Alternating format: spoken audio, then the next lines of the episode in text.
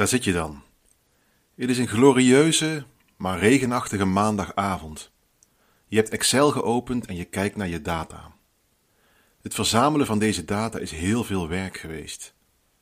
Misschien heb je gewerkt in een lab. Misschien heb je mensen vragenlijsten laten invullen.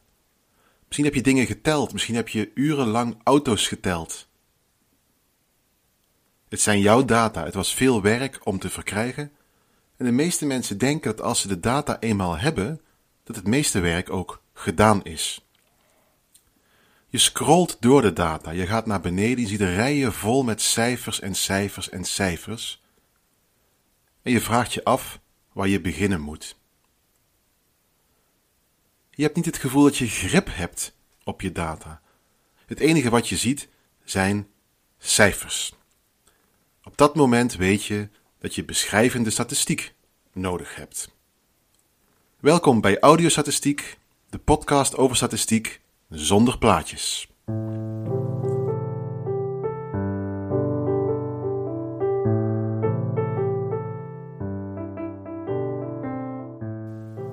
Vandaag de eerste aflevering over beschrijvende statistiek en die gaat over databeschrijvers, gemiddelde en mediaan. Het gemiddelde en de mediaan zijn allebei beschrijvers van wat central tendency genoemd wordt. Centrale maat van data.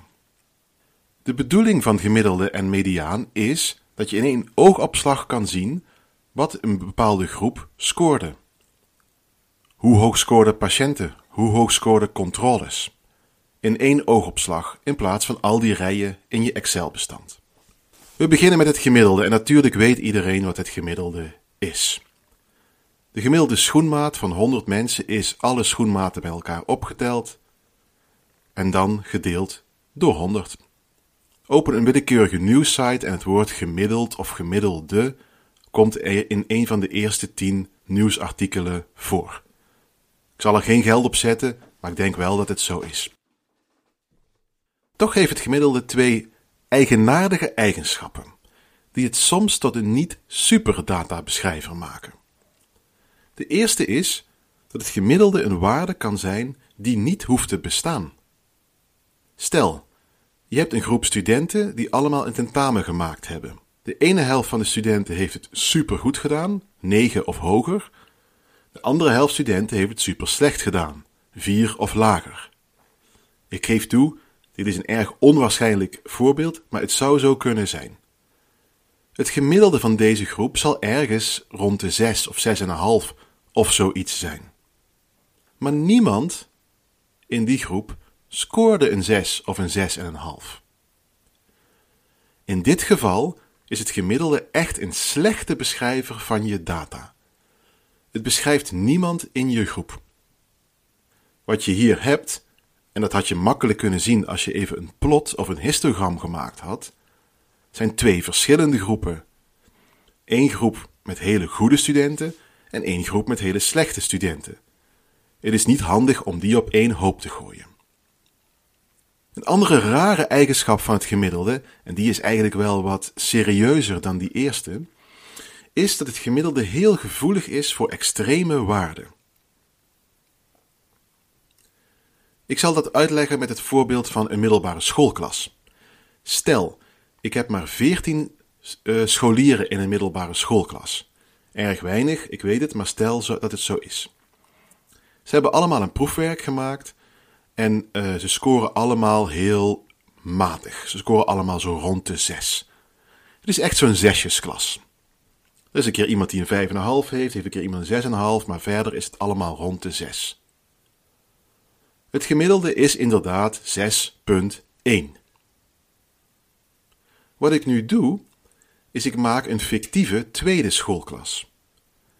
Ik kopieer alle cijfers van de schoolklas die ik heb en ik maak van twee studenten, van twee scholieren, breng ik het cijfer naar de 10. Dus ik doe alsof ik precies dezelfde schoolklas heb, behalve twee briljant goede studenten die een 10 kregen. En nu schiet het gemiddelde omhoog. Het gemiddelde gaat van een 6,1 naar een 6,8. Dat is een flinke toename. Of dat een hele belangrijke of grote toename is, daar kunnen we het andere keer over hebben. Maar intuïtief maakt het een verschil of je zegt: Mijn groep was een zesjesgroep, of het gemiddelde was een 7 min. Maar jij en ik weten dat die groepen helemaal niet zoveel van elkaar verschilden. Sterker nog, ze zijn precies hetzelfde, behalve twee scholieren die toevallig heel erg goed waren. Dit is echt een serieus probleem als je weinig waarnemingen hebt, als je in statistisch jargon een kleine hoofdletter n hebt.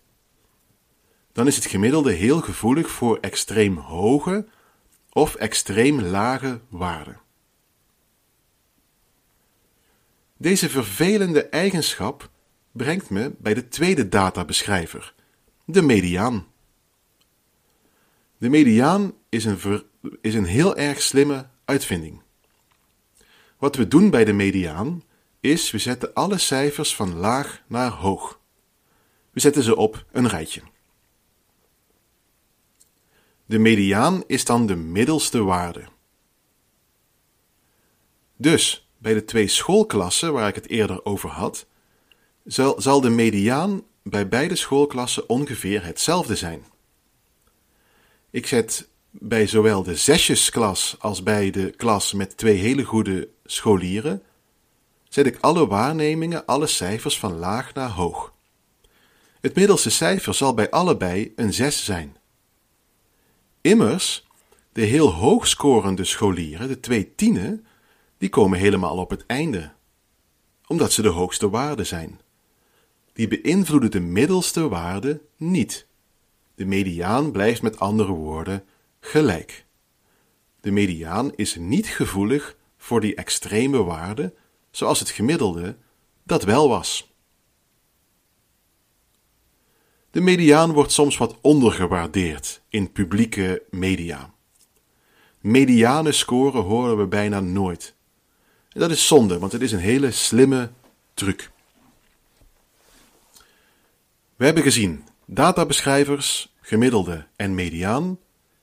Allebei zijn goede databeschrijvers en het gemiddelde heeft hier en daar wat raar gedrag. Hoe weet je nu welke je moet gebruiken? Daar kun je een heel lange theoretische discussie over houden en dat gaan we vandaag niet doen. Liever zijn we wat pragmatischer en is mijn voorstel dat je ze gewoon allebei uitrekent. Als mediaan en gemiddelde ongeveer gelijk zijn, dan beschrijven ze allebei op een gelijke manier je data. Als er een opvallend verschil zit tussen gemiddelde en mediaan, is dat een aanwijzing dat je misschien extreme waarden in je data hebt. Maak dan even een plotje en kijk wat je met die extreme waarden zou kunnen of moeten doen. Daar gaan we het andere keer over hebben. Ten slotte nog een leuke fun fact over het gemiddelde. Het gemiddelde is pas heel laat in zwang geraakt in de statistiek. Volgens Steven Stickler in zijn boek The Seven Pillars of Statistical Wisdom pas in de 17e eeuw. En dat is echt laat. De Sumeriërs, heel lang voor Christus, of de Inca's hadden bijvoorbeeld al tabellen waarin ze data bijhielden. Het gemiddelde gebruikten zij echter niet. Er zijn twee redenen voor. Eén is dat mensen het heel lang tegenintuïtief en gewoon raar vonden om dingen die niet hetzelfde zijn, niet letterlijk hetzelfde zijn, toch bij elkaar te gooien in een gemiddelde. Het voorbeeld van de schoenmaat, wat ik eerder gaf, kan dit mooi illustreren. Als je van 100 mensen de schoenmaat meet en de gemiddelde schoenmaat uitrekent, dan is het waarschijnlijk geen slim idee om kinderen en volwassenen samen in het gemiddelde te gooien. Je krijgt dan wel een gemiddelde schoenmaat uit, maar wat betekent die schoenmaat eigenlijk? Dat is niet informatief. Kinderen hebben veel kleinere voeten dan volwassenen, dus die veranderen het gemiddelde. Het is beter om die twee groepen afzonderlijk van elkaar te beschouwen. Een andere reden dat mensen lang weerstand hadden tegen het gemiddelde, is dat je informatie verliest. Als ik met tien vrienden ben, heb ik tien schoenmaten.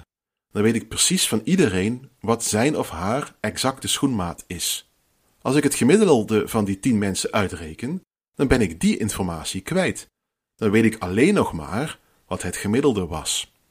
En dat brengt me bij een heel belangrijk punt waar we het volgende keer over gaan hebben. Gemiddelde of mediaan op zichzelf zijn niet voldoende beschrijvers van data. Altijd als we data verzameld hebben, als we data willen beschrijven, moeten we een maat van centrale tendency, een centrale beschrijver zoals gemiddelde of mediaan rapporteren, maar ook spreiding. Hoeveel verschil zat er tussen de scores?